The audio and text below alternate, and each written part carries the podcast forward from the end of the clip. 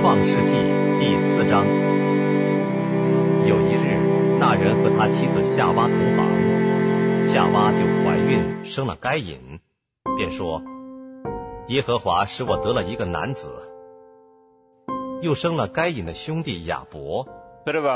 亚伯是牧羊的，该隐是种地的。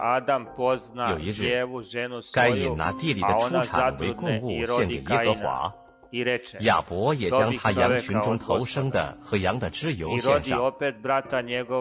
耶和华看中了亚伯和他的供物，只是看不中该隐和他的供物。该隐就大大的发怒，变了脸色。耶和华对该隐说：“你为什么发怒呢？你为什么变了脸色呢？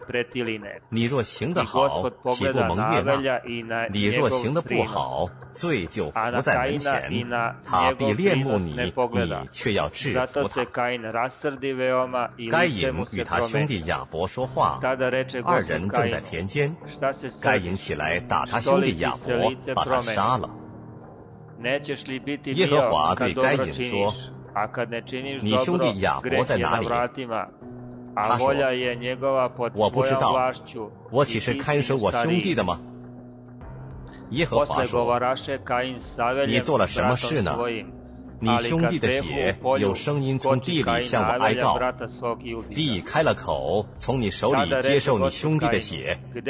现在你必从这地受咒诅。”你种地，地不再给你效力，你必流离飘荡在地上。该隐对耶和华说：“我的刑罚太重，过于我所能当的。你如今赶出我离开这地，以致不见你面，我必流离飘荡在地上。凡遇见我的，必杀我。”耶和华对他说。凡杀该隐的，必遭报七倍。耶和华就给该隐立一个记号，免得人遇见他就杀他。于是该隐离开耶和华的面，去住在伊甸东边罗德之地。该隐与妻子同房，他妻子就怀孕，生了以诺。该隐建造了一座城，就按着他儿子的名，将那城叫做以诺。以诺生以拿，以拿生米户雅利，米户雅利生马土撒利，马土撒利生拉麦，拉麦娶了两个妻。一个名叫亚大，一个名叫喜拉。亚大生亚巴，亚巴就是住帐篷牧养牲畜之人的祖师。亚巴的兄弟名叫尤巴，他是一切弹琴吹箫之人的祖师。喜拉又生了土巴该隐，他是打造各样铜铁利器的。土巴该隐的妹子是拿玛。拉麦对他两个妻子说：“亚大、喜拉，听我的声音。”拉麦的妻子细听我的话语。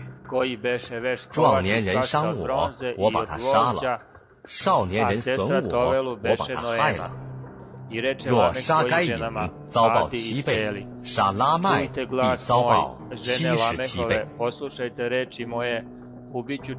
亚当又与妻子同房，他就生了一个儿子，起名叫赛特。意思说，神另给我立了一个儿子代替亚伯，因为该隐杀了他。赛特也生了一个儿子，起名叫以挪士。那